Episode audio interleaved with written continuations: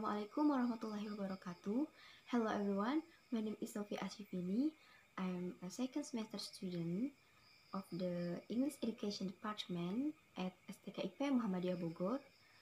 In this video, I will give an opinion about what I watch on YouTube, namely being a millennial farmer uh, and also as a student in pandemic era. And don't forget, this video was made to complete uh, the mid uh, semester exam assignment uh, for fundamental spoken English course. Okay, let's begin. Outbreak of the COVID-19 virus has paralyzed the world economy. Several sectors have weakened too in these virus attacks, one of which is the tourism sector.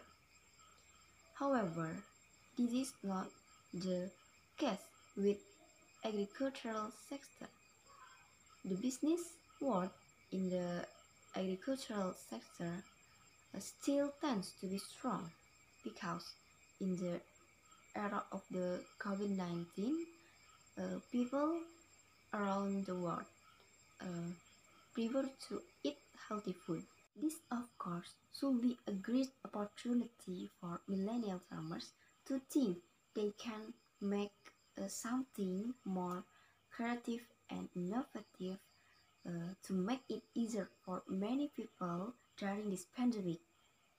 For example, in an article I read where a young man uh, named Bayu came from Bali, worked in the sex or in the tourism sector, but due to the COVID-19 pandemic, there were not visitors and the tour was uh, also required to be closed. But Bayu did not stop and give up.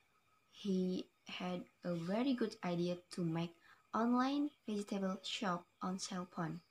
And then he connect farmers in his village with uh, buyers in the city through an application is he created.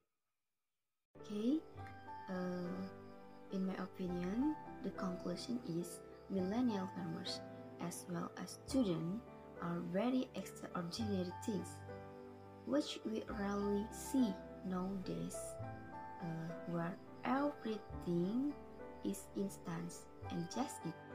In addition, once they get uh, used to being millennial farmers, they will not run out of ideas uh, to promote their uh, fields uh, even during the pandemic because the food sector is always needed in very situation.